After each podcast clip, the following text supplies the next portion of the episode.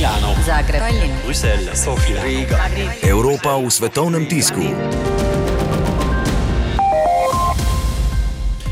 Ameriški New York Times povzema besede predsednika Evropske komisije Jean-Claude Junckerja, da je nepošteno napadati neodvisnost centralnih bank.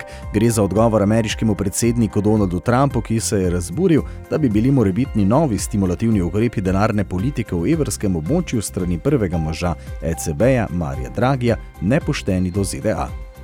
Britanski Guardian pa piše o tretjem krogu glasovanja o novem vodji britanske konzervativne stranke. Znova je največ glasov dobil nekdani zunani minister Boris Johnson, na drugem mestu pa mu sledi aktualni zunani minister Jeremy Hunt. Četrti krok bo na vrsti že danes, glasovanja pa se bodo nadaljevala, dokler ne bosta ostala samo še dva kandidata, še dodajo pri Guardianu. Nemški Frankfurter Allgemeine Zeitung pa piše o tem, da je Evropska komisija prižgala zeleno luč na črto nemških oblasti, po katerem bi več kot 60 najbolj onesnaženim občinam zagotovili skupno 431 milijonov evrov za nadgradnjo motorjev občinskih in komercialnih vozil. Leta 2017 je najvišje še dopustne vrednosti dušikovih oksidov prekoračilo kar 65 nemških mest. Glavni krivec naj bi bili izpusti vozil z dizelskimi motorji, še izpostavljajo pri FAZ.